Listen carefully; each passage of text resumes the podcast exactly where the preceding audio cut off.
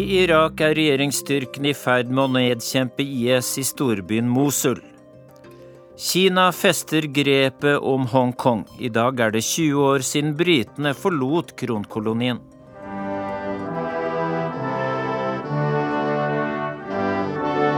Det er det aller siste minuttet i en mer enn 150 år lang historie. I Jemen dør et barn hvert tiende minutt av sult eller kolera, ifølge FN.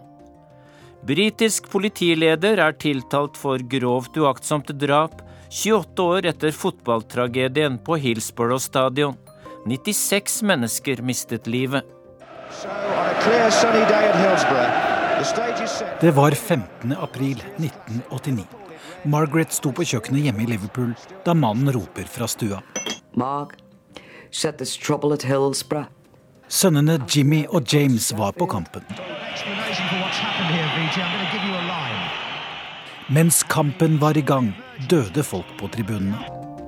Og tema i ukens korrespondentbrev er nakne tyskere. De fleste tyskere er nemlig svært avslappet når det kommer til offentlig nakenhet, og på de aller fleste strender er det satt av egne områder for dem som liker å ta av seg absolutt alt. Vel møtt til Urix på lørdag, der vi også skal til Argentina og Ukraina. Og i saken om Jemen får vi besøk i studio av en jordmor som bruker det meste av tiden på et sykehus i Jemen til å bekjempe kolera. I studio Dag Bredvei. Først Irak. IS holder på å miste kontrollen i landets nest største by Mosul, hvor slaget trolig er inne i sine siste dager. Vår korrespondent Kristin Solberg er i Mosul denne formiddagen, og vi hører fra henne om litt. Men før det setter Sigurd Falkenberg Mikkelsen oss inn i situasjonen i Mosul. Et helikopter fyrer av en rakett. Ut av et lite hull i veggen betrakter en skarpskyter et apokalyptisk bylandskap i ruiner.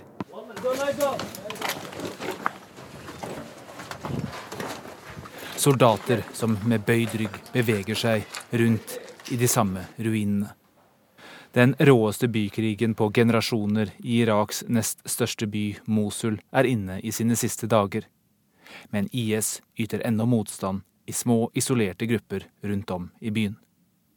Men symbolsk var det over da irakiske styrker tok tilbake kontrollen over området der den ødelagte al-Nori-moskeen hadde ligget tidligere i uka den samme moskeen som IS-leder Mohammed Bakr al-Baghdadi brukte da han rystet en hel region med sin første tale som selverklært kalif.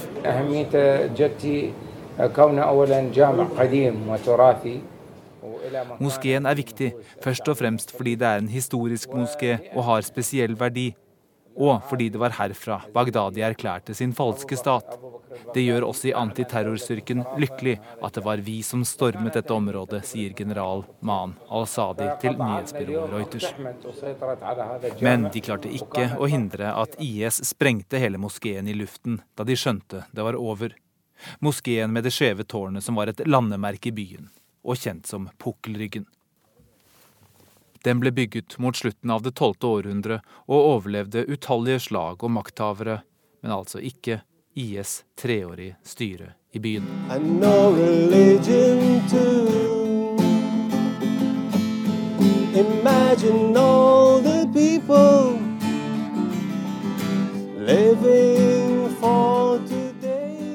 I Mosuls ruiner sitter musikklærer Nabil Atrakshi og spiller en av verdens mest kjente sanger om en bedre verden. Imagine av John Lennon. Han spiller på en av gitarene han klarte å gjemme unna IS. De tolererte ikke musikk som de mente var forbudt i henhold til Koranen og sine religiøse lover. We, we er dette en vakker verden? Vi håper det blir en vakker verden, sier han til belgisk TV, før han legger til. Give me a security Gi meg sikkerhet, og jeg skal gi deg liv i Mosul. For selv om kampene går mot slutten, begynner nå en fase som også er full av utfordringer. Hvem skal styre byen, hvordan skal makten fordeles, hvem skal bygge byen opp igjen? Og er det begått storstilte krigsforbrytelser av de seirende irakiske regjeringsstyrkene og deres allierte sjiamuslimske militser mot sunnimuslimene i regionen? Ugjerninger som på sikt kan avle ny motstand mot myndighetene i Bagdad. Midtøsten-korrespondent Kristin Solberg, du er i Irak, i utkanten av Mosul nå. og Hvordan vil du beskrive situasjonen i området? Ja, dette er en eh, situasjon der krigen er inne i sin eh, helt siste fase. IS har bare en liten del, eh, mindre enn en kvadratkilometer, område inne i gamlebyen i Vest-Mosul, der jeg er. Der kjemper irakske styrker en, en, veldig tøff kamp. De går nærmest hus til hus nå på slutten. Og også i, ellers i byen, i områder der, som de har gjenerobret tidligere fra IS, er sikkerheten sikkerhetssituasjonen blitt dårligere i det siste. For vi ser at IS har eh, startet angrep i deler av byen som er eh, under kontroll av irakske styrker. En irakisk general sier at IS vil være nedkjempet innen få dager, og er det sannsynlig? Det kan tenkes. Man skal alltid ta det eh, offiserer i kriger, eh, spesielt her i Midtøsten, sier eh, om tidslinjer med, med, en klype salt. Men samtidig så er krigen nå inne i den helt eh, avsluttende fasen. Som sagt har IS bare en liten, liten del av gamlebyen igjen. Det er anslagsvis 300, 400, 500 IS-krigere igjen der. De blir nå bedt om å overgi seg eller eh, å bli drept. I den Irak irakske hæren eh, tok eh, for to dager siden en stor seier ved at de tok eh, gjenerobret den berømte Nori-moskeen, som var der IS-leder Abu Bakr al-Baghdadi erklærte sitt kalifat. Og, med det så ser mange soldater her på krigen, eller slaget om byen nærmest som over, ved at de har gjenerobret moskeen. Det blir sett på som om man har gjenerobret hele byen, selv om det er nå da Eh, litt mindre enn en kvadratkilometer igjen av, av IS-området i gamlebyen. Eh, du er ved en kontrollpost i utkanten av Mosul. Vi hører at det blåser veldig der, men eh, vi forsøker litt til. Det blir hevdet at mellom 50 000 og 100 000 sivile befinner seg inne i gamlebyen i Mosul, der IS holder stand. Og blir de brukt som menneskelig skjold av IS, de sivile der? Ja, De sivile der kan ikke komme seg ut av uh, området, enten de vil eller ei. De blir holdt som levende skjold av IS, og hvis de forsøker å flykte, så risikerer de å bli drept. Men det er en svært uh, prekær situasjon, for også hvis de ikke flykter, så risikerer de å bli drept enten i de harde kampene som foregår, eller i luftangrep fra den amerikanskledede koalisjonen, for dette er et svært tettbefolket område. Her hvor jeg står, så har jeg sett eh, bare i løpet av den siste timen flere hundre mennesker komme ut av byen. Noen av de har tatt seg ut fra gamlebyen, for de tar seg ut etter hvert som den irakske hæren rykker frem. Men mange av dem er i en dårlig forfatning. Det har vært manko på mat, vann, medisiner og medisinsk hjelp. Men eh, de har klart å, å komme seg ut eh, i livet. Mosul er kjent som byen der IS erklærte sitt kalifat i 2014, som du var inne på. Og dersom IS nå blir beseiret, hva betyr det for ideen om den islamske stat? Ja, Den er betydelig svekket eh, etter dette. IS er jo, eller Mosul er jo ikke bare stedet der eh, IS-leder Bagdadi erklærte kalifatet, eller den såkalte islamske staten, for opprettet. Når de da mister den, så er det et svært symboltungt nederlag. Og samtidig så mister de også da den siste større byen i Irak som de mister, det, eller som de hadde kontroll over. Men det betyr ikke på noen måte at de er nedkjempet det betyr bare at ideen om IS endrer seg. Eh, det har vi sett flere ganger i løpet av IS eh, levetid. De har vist en, en betydelig overlevelsesevne ved å, ved å, nettopp endre karakter eller type gruppe. Eh, det kan vi se igjen, at de endrer seg fra å være det de selv hevder er en stat, til å bli mer en opprørsgruppe som fokuserer på eh, terrorangrep. Eh, hovedsakelig her i Midtøsten, men også i Vesten. Det blir sagt at mange av IS-krigerne i Mosul er radikaliserte muslimer fra vestlige land. og Hva vet du om det, Kristin?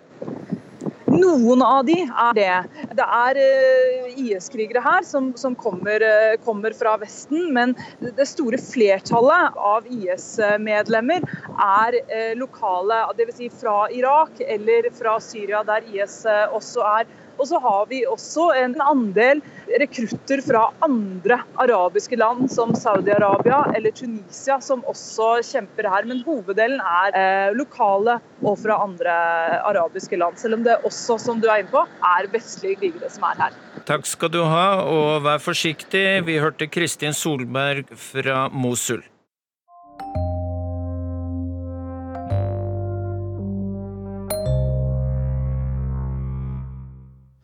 I Hongkong er en ny leder tatt i ed av Kinas president. I dag er det 20 år siden Hongkong ble levert tilbake til Kina, og det markeres i stor stil.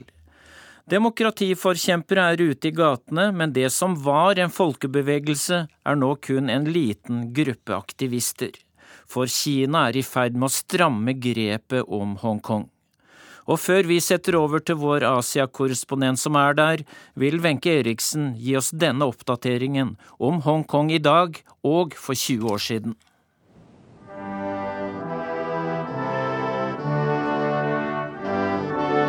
Det er det aller siste minuttet i en mer enn 150 år lang historie.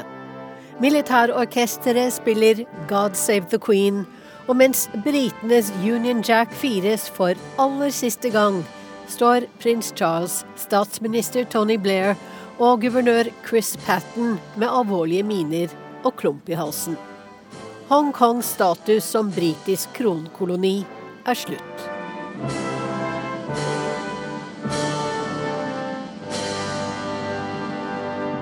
Hong Kong will thereby be restored to China and within the framework of one country, two systems, it will continue to have a strong identity of its own.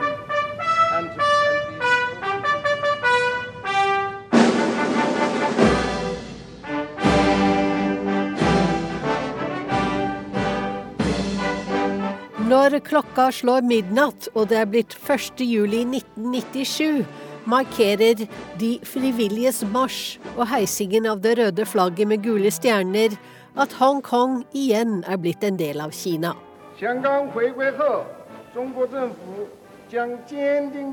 Også Folkerepublikkens president Jiang Zemin taler om det de er blitt enige med britene om.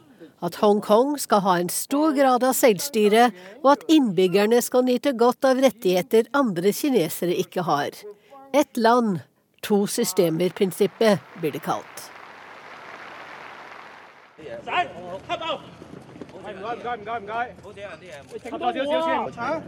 Spol fram 20 år.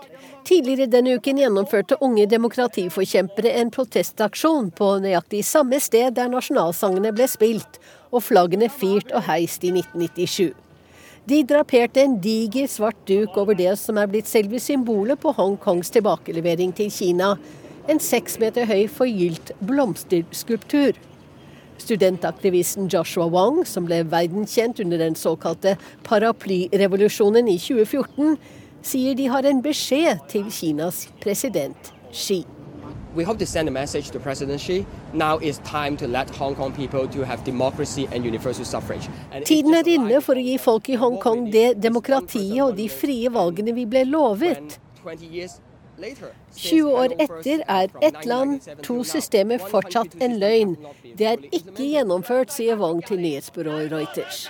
Det har vært flere demonstrasjoner ved blomsterskulpturen denne uken. Først i 2014 fremmet den kinesiske folkekongressen forslag til valgreformer som skulle føre til direktevalg av Hongkongs politiske leder, eller chief executive. Men bare kandidater som var forhåndsgodkjent av Beijing, kunne stille. Det førte til omfattende protester, og Hongkongs folkevalgte la ned veto mot reformpakken. I mars i år ble derfor Hongkongs politiske leder igjen valgt av en valgkomité som utgjør bare 0,16 av befolkningen. Carrie Lam heter hun. Let me uh, first make it very clear that um, Hong Kong is an inalienable part of the People's Republic of China.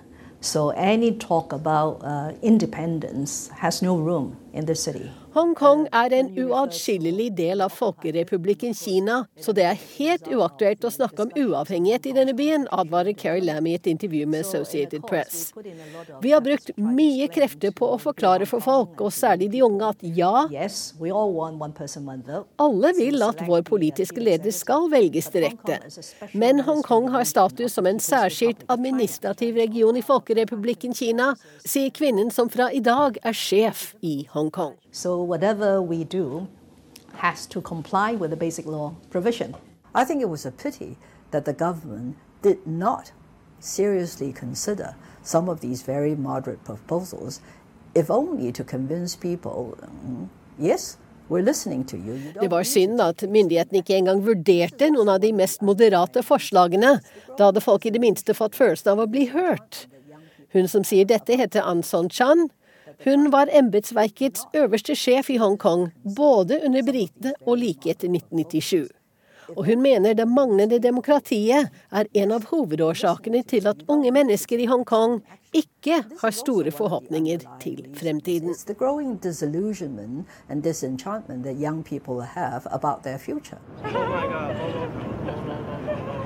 20 år gamle Jade Chang ler av bilder som hun og vennene har tatt på en protestmarsj for demokrati og uavhengighet. Hun ble altså født det året britene leverte Hongkong tilbake til Kina. Når jeg er ute og reiser og må fylle ut på immigrasjonsskjema hvor jeg kommer fra, så tenker jeg Hongkong, ikke Kina. Det er de små dagligdagse tingene som gjør meg til en ekte hongkonger, sier hun. Jade er ikke alene. Stadig flere av Hongkongs unge under 30 år snur ryggen til sin kinesiske identitet, ifølge en meningsmåling utført av Hongkong-universitetet. 63% av de spurte sier at de identifiserer seg mer med Hongkong enn med Kina. Det er 18 prosentpoeng flere enn for 20 år siden, da Jade ble født. Før var det et skille mellom Kina og kommunistpartiet, men nå er det mer utydelig, mener Jade. Om vi unge i Hongkong har et følelsesmessig bånd til Kina? Tror ikke det, sier hun. Ja, vi skal direkte til eh, Hongkong eh, når vi får kontakt med Asia-korrespondent Peter Svaar, som er midt i begivenhetenes sentrum. Men først skal vi ta et sprang til Storbritannia, for i fotballbyen Liverpool er pårørende og gjenlevende etter katastrofen på fotballstadion Hillsborough lettet over at denne uken ble kjent at det vil bli tatt ut tiltale i saken. 96 mennesker mistet livet i tragedien i Sheffield den 15. april 1989. Mannen som ledet politistyrkene da ulykken skjedde, vil bli tiltalt for grovt, uaktsomt drap, noe de pårørende har ventet lenge på.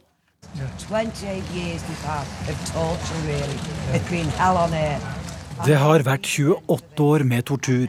Det har vært et helvete på jord. Og dette er definitivt starten på slutten, sier Margaret Aspinall etter at tiltalene ble klart denne uken.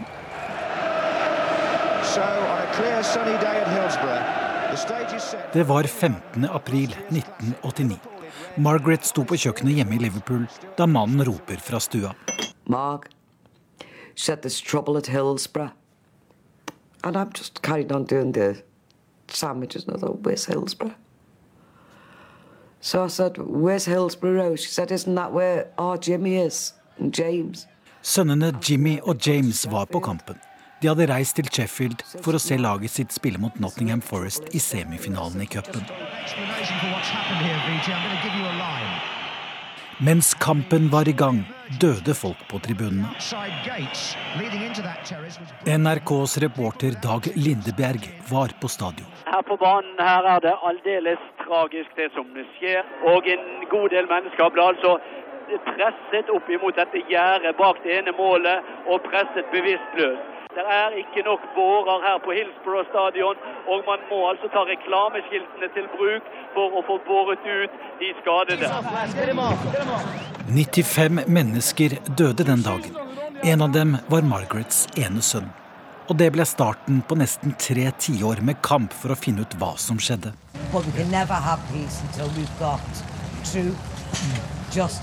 Vi får aldri fred før vi får vite sannheten og at de skyldige blir stilt til ansvar, sier hun. For Liverpool-fansen som markerer Hillsborough-tragedien med å synge You Never Walk Alone, ble det ekstra tungt å bære at de ble stemplet som fotballpøber som selv hadde skyld i ulykken.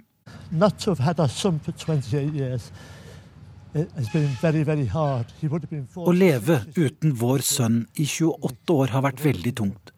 Han ville vært 46 år i år, sier Barry Davonside.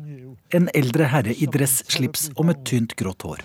There is sufficient evidence to charge former Chief Superintendent David Duckenfield with the manslaughter by gross negligence of 95 men, women and children. Politimannen som ledet politistyrkene på kampdagen, vil bli tiltalt for uaktsomt drap på 95 mennesker. En annen politimann blir tiltalt for å ha løyet om at det var fansen selv som hadde skylden for ulykken.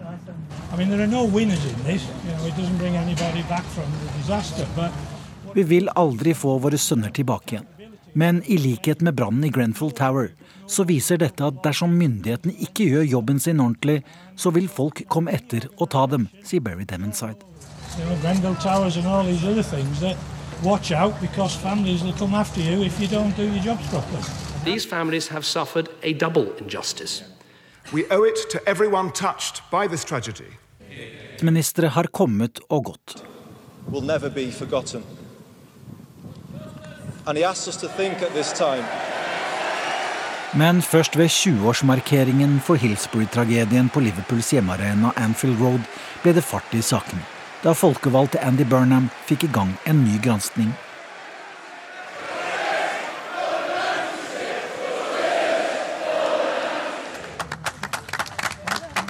Nå, etter sommerferien, kommer sakene opp for retten.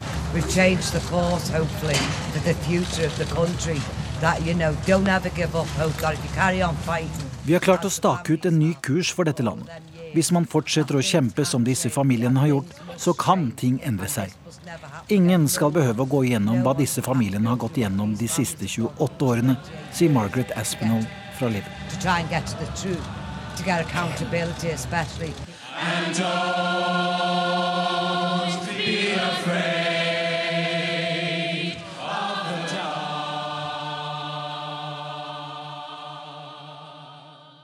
Reporter var snart påtroppende London-korrespondent Øyvind Nyborg.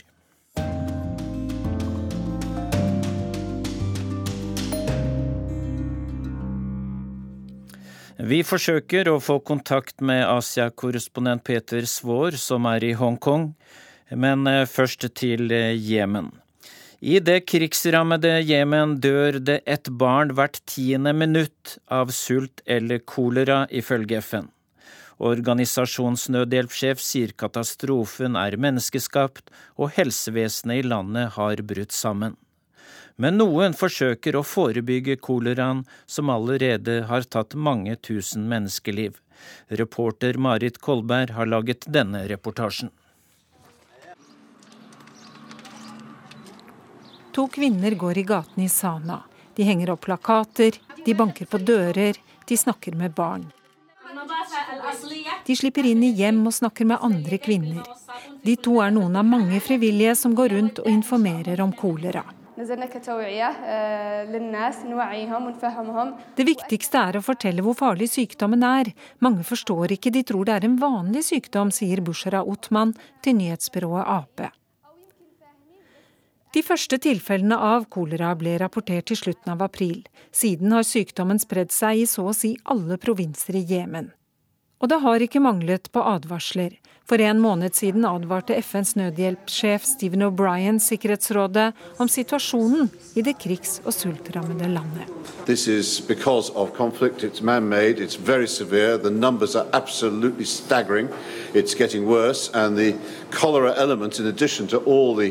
uh, lack of food, the lack of uh, medical supplies uh, for people, is of course Uh, uh, Verden ser på mens Jemens innbyggere opplever nød, sykdom og død. For noen dager siden gjentok han advarselen og la til dette er en menneskeskapt katastrofe. Hvert tiende minutt dør et barn under fem år av problemer det hadde vært enkelt å forebygge, ifølge FN. I september 2014 grep Houthi-opprørere med støtte fra deler av regjeringshæren makten i hovedstaden Sana. De drev landets sunnimuslimske president på flukt til Saudi-Arabia. Noen måneder senere gikk Saudi-Arabia til krig mot de sjiamuslimske opprørerne, i spissen for en USA-støttet regional koalisjon. Og mer enn to år med borgerkrig har gitt gode vekstvilkår for farlige sykdommer. Matmangel og sult bryter ned.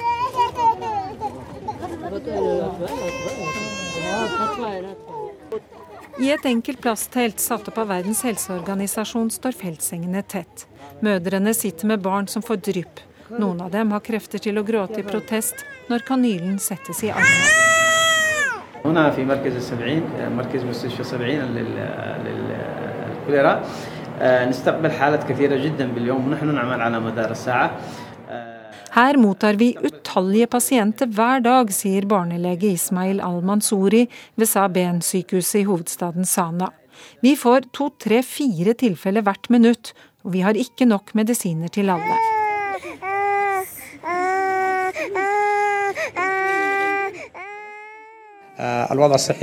Doktor Mohammed al-Fakki forteller at de ved sykehuset i Hodeia mottar 500-600 pasienter hver eneste dag. Koleraen sprer seg i skittent vann. Den gir alvorlig diaré, oppkast og uttørring. Sykdommen er lett å behandle og forebygge, men uten behandling kan den føre til død i løpet av få timer. To av tre innbyggere i Jemen er nå uten tilgang på rent drikkevann, og dermed sprer den svært så smittsomme sykdommen seg lett. Helsevesenet i landet er i ferd med å bryte sammen. De ansatte har ikke fått lønn på ni måneder, men mange møter likevel fortsatt på jobben hver eneste dag for å hjelpe. This represents actually a perfect storm for cholera. Uh, cholera as uh, endemic and having the, both wash and health really weakened et svakt helsevesen og mangel på rent vann skaper en perfekt grobunn for sykdommen, advarte doktor Ahmed Souten da han talte for Verdens helseorganisasjon denne uka. Under ramadan ble flere syke fordi de fastet. Og da måneden var over, fryktet legene at smitten ville bli spredd av folk som reiste for å feire id sammen med venner og familie. FNs representant i Jemen, Mertik Seller Elano, sier hun er fryktelig bekymret. Out of those people that have died, one quarter are children, and many of them are severely malnourished. Uh, in, in, uh, en firedel av de som dør, er barn. Mange av dem er fryktelig underernærte. Vi får utstyr inn, men ikke fort nok. Og det vi får, blir brukt opp med en gang, sier hun. Giverland har lovet Jemen 18 milliarder kroner i nødhjelp i år. Men ifølge FN er det bare 29% av dette som er blitt betalt inn. Velkommen til Urix på lørdag, Sonja Kalsvik. Du kom nylig hjem fra Jemen, hvor du har jobbet med å lede driften på et sykehus ved siden av det å være jordmor. Og det er borgerkrig i Jemen. I tillegg til krigsskader er det mange som dør av kolera.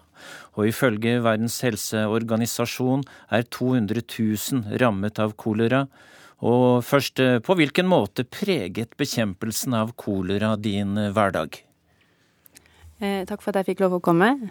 Eh, I mars og april, når vi fikk våre første kolerapasienter til et sykehus, så var vi allerede et veldig travelt sykehus med mange pasienter. Vi hadde fremdeles malariasesong, vi hadde kikhosteutbrudd. Så vi var allerede veldig hektiske. Så på toppen av det hele så kom disse kolerapasientene. Så våre dager besto i en kamp mot tiden med å få tak på nok sykepleiere, få tak på nok materiale, få nok senger, få nok vann. Eh, så hverdagen min ble veldig hektisk. Ja, Dere mottok altså på slutten av din periode der 200 pasienter med kolera daglig. og Hvordan klarte dere å håndtere så mange? Eh, det er og var en massiv utfordring. Vi, til slutt måtte vi åpne vårt eget senter, eh, og vi var kjempefornøyde når vi i mai hadde 80 senger og vi var klare til å ta imot. Og i løpet av fire dager så måtte vi fremdeles dele senger, fordi at eh, antall pasienter økte fortere enn det vi klarte å jobbe. Eh, Men eh, vi gjør så godt vi kan. Vi prøver å holde oppe standarden. Eh, og så blir vi motiverte av det faktum at vi ser at vi redder såpass mange, da. Ja, dere reddet mange liv ved sykehuset i byen Abs, men mange døde. Og hvorfor dør kolerasmittede etter at de er kommet fram til sykehuset? Eh, det er to grupper som dør. Den ene gruppen er som nevnt i introen de som allerede er svake i utgangspunktet. Eh, eldre mennesker, ofte med hjerteproblemer og sånt, underernærte barn, eh, gravide kvinner. Det andre er de som kommer for seint. Og de kommer rett og slett for seint, enten fordi de bor så langt unna, og så har de ikke råd til transport, de har ikke tilgang til transport. Noen må også krysse frontlinjen for å komme til oss. Eh, så de som dør innen 20 minutter, det er de som ofte kommer for seint, da. Var sykehuset nær frontlinjen? Eh, sykehuset ligger eh, noen 40 km sør for frontlinjen. Så må, mange måtte krysse? Mange måtte krysse, og det er også da noen timer med kjøring. Eh, så som du nevnte, så er det bare noen få timer som gjør forskjell på liv og død. Mm. I fjor ble sykehuset som du har jobbet på rammet av en bombe. Hva skjedde? 15. Eh, august i fjor så var mine kollegaer på jobb, det var på ettermiddagen, eh, og de fikk inn, inn en bil som hadde flere skadde i bilen. Og få minutter etter at den hadde parkert, så ble den angrepet av en eh, bombe fra et saudi-arabisk fly. Denne bomben førte til at 19 mennesker mista livet, og over 20 ble skadet. Dette var den fjerde angrepet på et sykehus som Leger uten grenser driver i Jemen og resulterte i at Leger uten grenser valgte å trekke seg ut av området. Eh, Sonja Kalsvik, eh, hva har gjort sterkest inntrykk på deg under oppholdet i Jemen? Eh, etter fem måneder så er det mye som gjør inntrykk, men jeg tror det som har gjort sterkest inntrykk, er eh, også da i begynnelsen av april, hvor jeg hadde vært litt utenfor byen eh, og sjekka noen forhold. Eh, og så på veien hjem så får jeg en telefon om at det har vært et luftangrep, og at vi forventer å få inn mange skadde. Eh, så jeg ber mine kollegaer om å gjøre klart til det som vi kaller for mesh casualty, at man forventer mange sårede. Nå når jeg endelig når frem til sykehuset, så har de fleste av våre pasienter kommet. Eh, og det første jeg legger merke til, er åtte små bein som dingler utenfor en av våre benker. Og de sitter på benken tett sammen, disse fire barna. Eh, og foran de så ligger mammaen, som vi allerede har plassert i en liggepose. Den ettermiddagen så mottok vi 17 skadde og tre stykker som var døde allerede når de kom. Eh, og av disse 20 menneskene så var det kun kvinner og barn. Sonja Kalsvik, takk for at du kom hit til Urix på lørdag og delte din historie.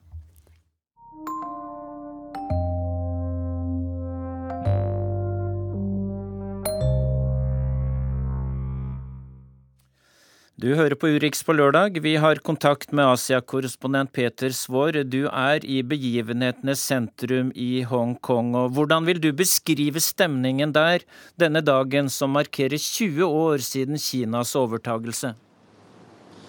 Jeg tror jeg vil si at her i sentrumsgatene hvor vi har vært de siste timene, så er det litt spent. Det har jo nå akkurat vært en stor 1. Ehm, med flere titusentalls eh, deltakere. Jeg tør ikke anslå helt nøyaktig hvor mange, men kanskje mellom 60 og 100 000 mennesker som har demonstrert eh, fredelig gjennom gatene her. og ehm, eh, Særlig da selvfølgelig med, med krav om demokrati. Mange hadde skilt de holdt opp hvor det sto at Hongkong dør.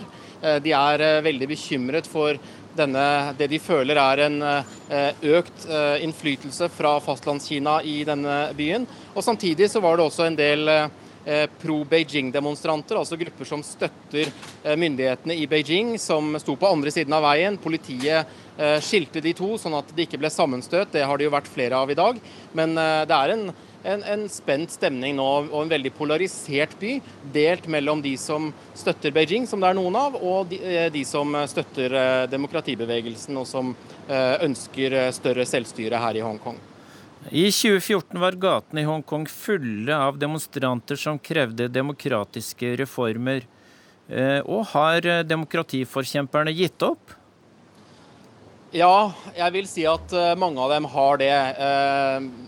I 2014 så var demokratibevegelsen her en virkelig folkebevegelse, og på det meste så var det jo 200 eh, 000 mennesker ute i gatene i september 2014, ledet an av studentene.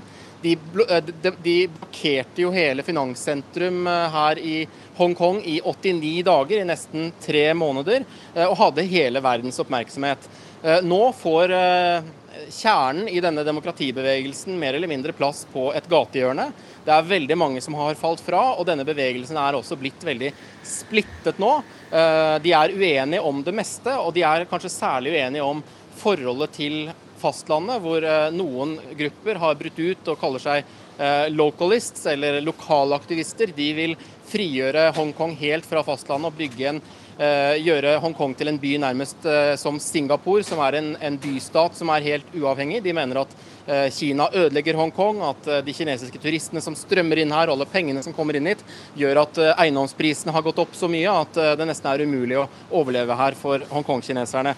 Den andre gruppen er jo pandemokratene, som ønsker å jobbe for økt selvstyre, økt demokrati i Hongkong, men innenfor rammene av eh, ett land, to systemer, og innenfor under Kinas vinger på mange måter. Så Det er jo kanskje det viktigste disse gruppene nå er uenige om, og de er blitt mange, mange færre. Ja, Du har snakket med Joshua Wong, en kjent aktivist fra de store demonstrasjonene for tre år siden. og Hva sier han til deg i dag? Ja, jeg har truffet han hver dag de siste dagene. Jeg har snakket med ham nå nettopp for eh, ti minutter siden. Han står oppe i eh, veien her. og det er klart at Han var jo en lederskikkelse for paraplyrevolusjonen her i Hongkong eh, i 2014 og 2015. Han kom på uh, forsiden av Time Magazine og, og var uh, en, av verdens 100, uh, en, en, av verdens mest innflytelsesrike unge ledere den gangen. nå har han jo mindre innflytelse. Det han sier, er at han, han vedgår at de er færre og at de er svekket, men han sier at de må fortsette å kjempe og at eh, de ikke kan eh, gi opp. Og at eh, befolkningen her i Hongkong fortsatt ønsker reelt demokrati, reelle frie valg, slik han mener at de ble lovet både gjennom den kinesisk-britiske samarbeidserklæringen og gjennom Hongkongs minigrunnlov, såkalte basic law. Så de mener jo at de har et krav på demokrati som ikke er oppfylt. Eh, Peter Svaar, når du snakker med folk som levde i Hongkong under britene, hva sier de om forskjellen da og nå? Uh, ja, Nå traff vi faktisk nettopp på en veldig veldig liten gruppe som sto uh, og demonstrerte her borte. og Det var Partiet for gjeninnføring av det britiske styret. De sto og veivet med et stort Union Jack-flagg. De er nok relativt få. Eh, og det er klart at Også under britene så var det jo ikke demokrati her i eh, Hongkong. Britene hadde eh, styrte denne byen i over 150 år, og de var aldri syndig opptatt av å innføre folkestyre. Faktisk er det jo det samme politiske systemet nå som da britene dro, i stor grad. Det er en, en komité som utpeker administrasjonslederen her, og de har ikke noe mer demokrati nå enn de har under britene. Men det mange er redde for, er jo at det, det, status quo som britene forlot i 1997, nå er i ferd med å uh, bli innskrenket av kineserne. Bl.a. med uh, bokhandlerne som har blitt bortført de siste årene. Det er snakk nå om en ny sikkerhetslov her i Hongkong som faktisk kan forby en del av disse studentdemonstrasjonene og organisasjonene deres, fordi det da vil bli forbudt å kritisere Fastlandskina. Det vil bli forbudt å gå inn for løsrivelse fra fastlandet. så det er jo en frykt også innenfor utdanningssektoren at uh, de, frykter at uh, ungene her skal få en, en ut, bli pålagt å ha en utdanning som i mye større grad skal prøve å gjøre dem til fastlandskinesere. Så de føler hele tiden at på alle fronter så er det Hongkong de har kjent til nå, under et veldig press. Tusen takk skal du ha, Asia-korrespondent Peter Svaar, direkte med fra Hongkong.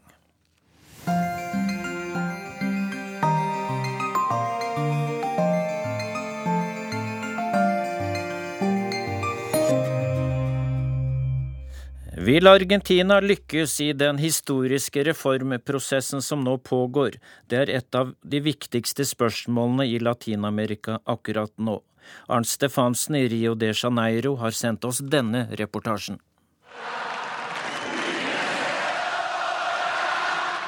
Hun har fortsatt en stor skare av beundrere, kvinnen som styrte Argentina i åtte år frem til slutten av 2015. Christina Kirchner er de misfornøydes heltinne i et splittet land. De fleste av hennes tilhengere er fattige argentinere som har fått det verre under den nåværende sentrum-høyre-regjeringen, og som mener at landet er på feil kurs. Kirchner har nå dannet et nytt parti som skal kjempe mot det hun kaller brutal nyliberalisme. Vi må stå sammen fordi det er nødvendig å sette en grense for denne regjeringen. I det neste valget må vi stoppe dens reformer. Vi må ikke la oss forvirre av at den snakker om fortiden, for problemet er at vi med denne regjeringen ikke har noen fremtid. Det er det vi nå må tenke på, sier den tidligere presidenten. For millioner av argentinere er det høyst forståelig at Christina Kirchner ikke ønsker å snakke om fortiden. En av dem er den 28 år gamle Victor Verran, som driver en klesbutikk i Calle Florida, den viktigste handlegata i Buenos Aires.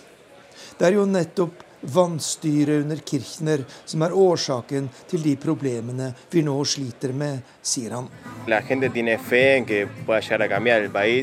Eh, vi tror at president Macri skal greie å endre dette landet.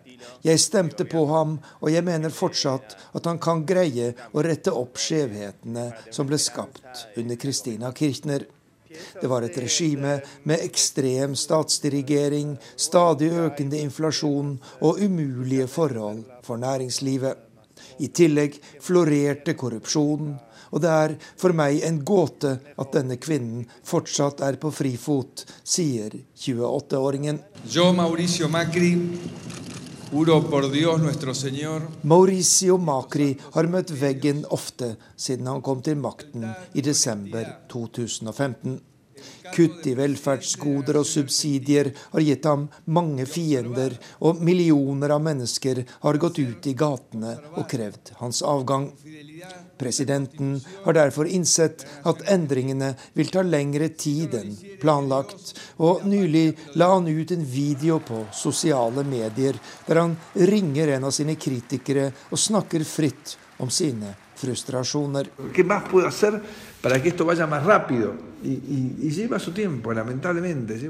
Hva skal man gjøre for at dette går raskere? Dessverre tar denne prosessen altfor lang tid. Men det er ingen annen vei. Går vi raskere frem, blir det opprør. Det er snakk om en kulturendring. Vi må skape verdiene før vi kan fordele dem. Men mange er vant med at staten gir dem en jobb, og helst et sted der det ikke er noe å gjøre, sier presidenten i videoen som har fått stor oppmerksomhet på sosiale medier.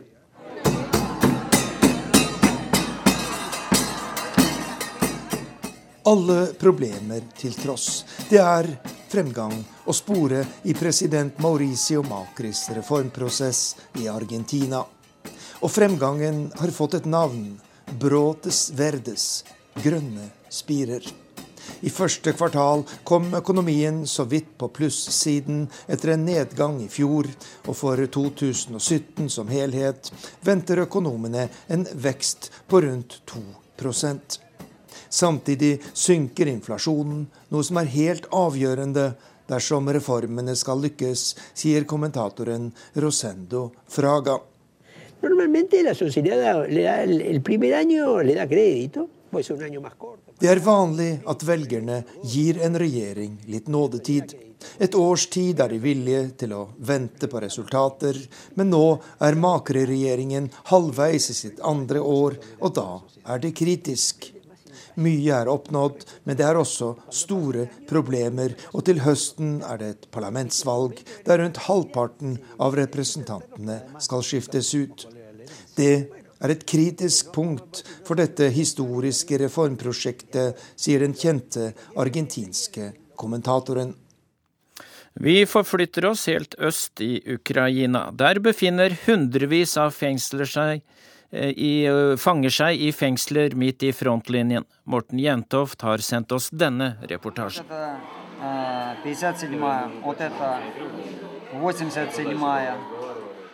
Jeg sitter på en litt støyende lunsjkafé i Kramatorsk, den uoffisielle hovedstaden i den delen av Danetsk-fylket øst i Ukraina som kontrolleres av regjeringen i Kiev. Aleksej Galan peker på et kart for å vise meg hvor de ligger, fangeleirene eller fengslene som pga. den tre år lange konflikten her øst i Europa har havnet midt i skuddlinjen. В частности, если брать Горловку, на линии соприкосновения в горячей зоне, в зоне постоянных обстрелов, находится три участка. Aleksej Galan sier at situasjonen er verst i og rundt byen Gorlovka, som er en av de største byene i det som nå kalles for Folkerepublikken Danetsk, kontrollert av de prorussiske separatistene. Der ligger det tre kolonner eller fangeleirer som ligger svært nær demarkasjonslinjen, eller frontlinjen, mellom separatistene og de ukrainske regjeringsstyrkene. I dette området pågår det nesten daglig skyting, sier Galan. Более того, я же говорю, постоянные обстрелы, а люди лишены возможности og når det skytes i området, så har fangene ingen muligheter til å beskytte seg. Det finnes ikke tilfluktsrom i fengselet, og heller ikke kapasitet til å få dem ned i kjellerne, sier Aleksej Galan, som har opprettet et fond der målet først og fremst er å få innsatt De fire fengsler, tre i de separatistkontrollerte områdene og ett ukrainskkontrollert område, flyttet over til fengsler andre steder i Ukraina. Когда пришел эпицентр боевых действий, скажем так, вот, разбежались практически все. En av dem som sitter i et av disse fengslene, er Aleksandr Nikolajenko, som soner en livstidsdom for et drap han selv mener han ikke har begått. Da vi befant oss i sentrum for krigshandlingene, ja, så flyktet de fleste av vaktene fra fengselet, forteller han i et intervju som ble gjort av et ukrainsk TV-team og vist på Radio Svobodas nettsider i 2016. Det var en periode da det bare var én eneste representant fra ledelsen igjen i fengselet. Vi hørte hele tiden lyden av skyting, og vakten løp rundt området og skjøt for å vise at ingen skulle komme for nær, forteller Aleksandr Nikolajenko. We are aware of the existence of these prisons, and when we are asked to facilitate the transport or exchange of persons being located Den sveitsiske diplomaten Alexander Hugg leder Organisasjonen for sikkerhet og samarbeid i Europa, OSSEs observatørkorps i konfliktområdet. Og han sier til NRK at de er klar over problemet med de kanskje så mange som 1000 fangene som befinner seg midt i krigsområdet. Han forteller at de har hjulpet til i forbindelse med uttransportering av fanger, men at de har overlatt arbeidet med å sørge for forsyninger med mat og medisiner til fengslene til hjelpeorganisasjonene som opererer i dette området, bl.a. Røde Kors.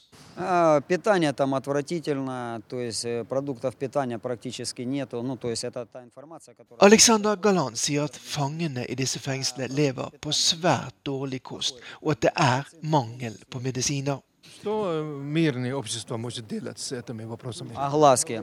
Придать огласки данный вопрос. Hva kan så verdenssamfunnet gjøre for disse fangene, som er dobbelt fanget i skuddlinjen mellom partene i konflikten i Ukraina, spør jeg. Og Aleksej Galan kan bare håpe at mer oppmerksomhet kan gjøre det mulig å få flere fanger vekk fra frontlinjen. Nå er de i praksis helt overlatt til sin egen skjebne, sier den ukrainske menneskerettighetsaktivisten. Vi skal åpne ukens korrespondentbrev, og det er postlagt av Guri Nordstrøm i Berlin og handler om nakne tyskere. Hvis du skal på badeferie i Tyskland i sommer, er det én forkortelse det kan være greit å lære seg med en gang, nemlig FKK. Forkortelsen står oversatt for fri kroppskultur, bedre kjent som nudisme på norsk. De fleste tyskere er nemlig svært avslappet når det kommer til offentlig nakenhet, og på de aller fleste strender er det satt av egne områder for dem som liker å ta av seg absolutt alt. Godt skiltet med nettopp forkortelsen FKK. Og dette gjelder ikke bare på strendene. I den store parken Tiergarten midt i Berlin er det også et eget nudistområde. Det samme gjelder på spa og badeland, bl.a. på gigantiske Tropical Island, som er bygd inne i en tidligere flyhangar og ligger en drøy times kjøring sørøst for Berlin. I en del av hangaren går unge og gamle, barn og voksne kliss nakne sammen som den naturligste ting i verden. Og det er vel nettopp det det er også. For når jeg har spurt tyske venner om hvorfor nudistkulturen er så utbredt nettopp i Tyskland, så er gjerne svaret hvorfor ikke? Men tysk nudisme handler om så mye annet enn bare nakenhet, og har en lang historie. Allerede på 1300-tallet fantes det 15 offentlige nakenbad i byen Lübeck.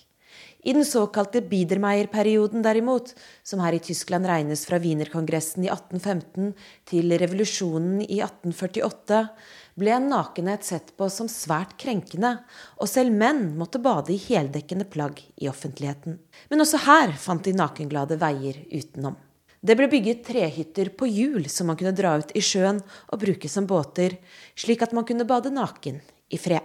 I 1898 ble Tysklands første nudistorganisasjon grunnlagt i Essen som en reaksjon på de usunne forholdene som preget industribyene. For tilhengerne her handlet det også om et politisk budskap.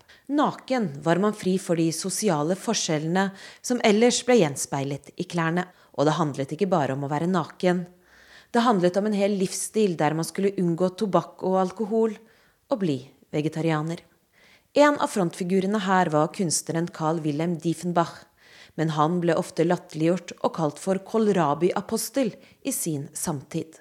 I tillegg satte politiet så mange kjepper i hjulene da han holdt foredrag og samlinger, at Diefenbach til slutt flyktet til Egypt og deretter dro til Wien, der han dannet sitt eget samfunn. En annen stamfar for den tyske nakenkulturen var Richard Ungewitter, som faktisk bodde to år i Norge. Han skrev bøker, og i 1908 grunnla han Tysklands andre nudistforening. Ungewitter var imidlertid antisemitt og tilhenger av rasehygiene, noe som til slutt splittet hans nudistforening. I de gale 1920-årene ble naturisme mer og mer populært, særlig blant de venstreorienterte. I 1920 ble Tysklands første offisielle nudiststrand åpnet på øya Sylt nordvest i landet, og på begynnelsen av 1930-tallet hadde nudistklubbene rundt 100 000 medlemmer. Men da nazistene kom til makten, ble foreningene oppløst og nakenbading forbudt. Dette forbudet ble imidlertid ikke håndhevet særlig strengt, og i 1942 kom politiforordningen om at det var lov å bade naken dersom ingen så en. Da Tyskland ble delt i øst og vest, fantes det nudistrenner på begge sider av grensa. Likevel har nakenbading blitt regnet som typisk østtysk, fordi nakenheten representerte en liten bit av frihet i kommunistdiktaturet. Faktisk var fenomenet så utbredt at DDR-museet i Berlin har viet det en egen utstilling.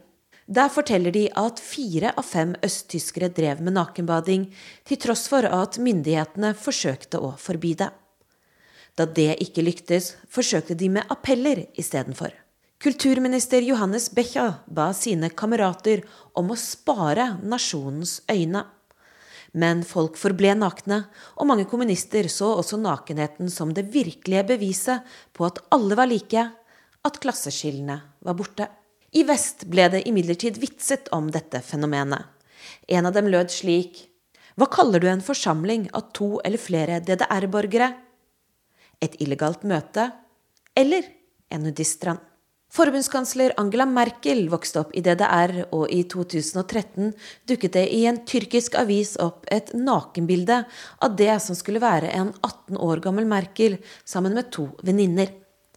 Skamløs nakenhet, skrev avisa, som fortalte at det var russisk FSB som hadde funnet frem dette i sine arkiver, og nå lagt det ut på internett for å hevne seg etter EUs innblanding under finanskrisa på Kypros fordi den gikk utover russiske oligarker.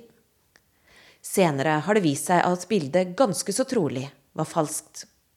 Under 25-årsjubileet for gjenforeningen av Tyskland i 2015 ble det gjennomført en undersøkelse for å se hvor sterk nudismekulturen fortsatt står i Tyskland. Og ut av den undersøkelsen kan man fortsatt se et tydelig skille mellom øst og vest. Mens 51% av innbyggerne i Mecklenburg-Vorpommern syntes nakenbading var helt naturlig, syntes 31% av innbyggerne i Bayern at det var frastøtende. Og eldre er ikke overraskende langt mer tolerante når det gjelder dette, enn yngre. Men selv om naturismen er aldri så naturlig og vidt utbredt, må man ikke glemme at det fortsatt er Tyskland det er snakk om. Og det gjelder en del uskrevne regler som kan være greie å notere seg dersom du har lyst til å henge i FKK-området, ifølge FKK-erne selv. For det første er det ikke lov til å stirre. Det er heller ikke lov til å fotografere eller å sitte i såkalte kompromitterende stillinger. Og er du der med kjæresten, så er det greit med kyss og klem, men ikke noe utover det. Og sist, men ikke minst, det er like lite lov til å ha på klær på nudiststranden som det er lov til å være naken på tekstilstranden. Utover det, håsen rundt da, buksene av og god sommer. Nakne tyskere fikk avslutte dagens Urix på lørdag. Teknisk ansvarlig Eli Kyrkjebø, produsent Andreas Kranz og jeg, Dag Bredvei, takker for følget.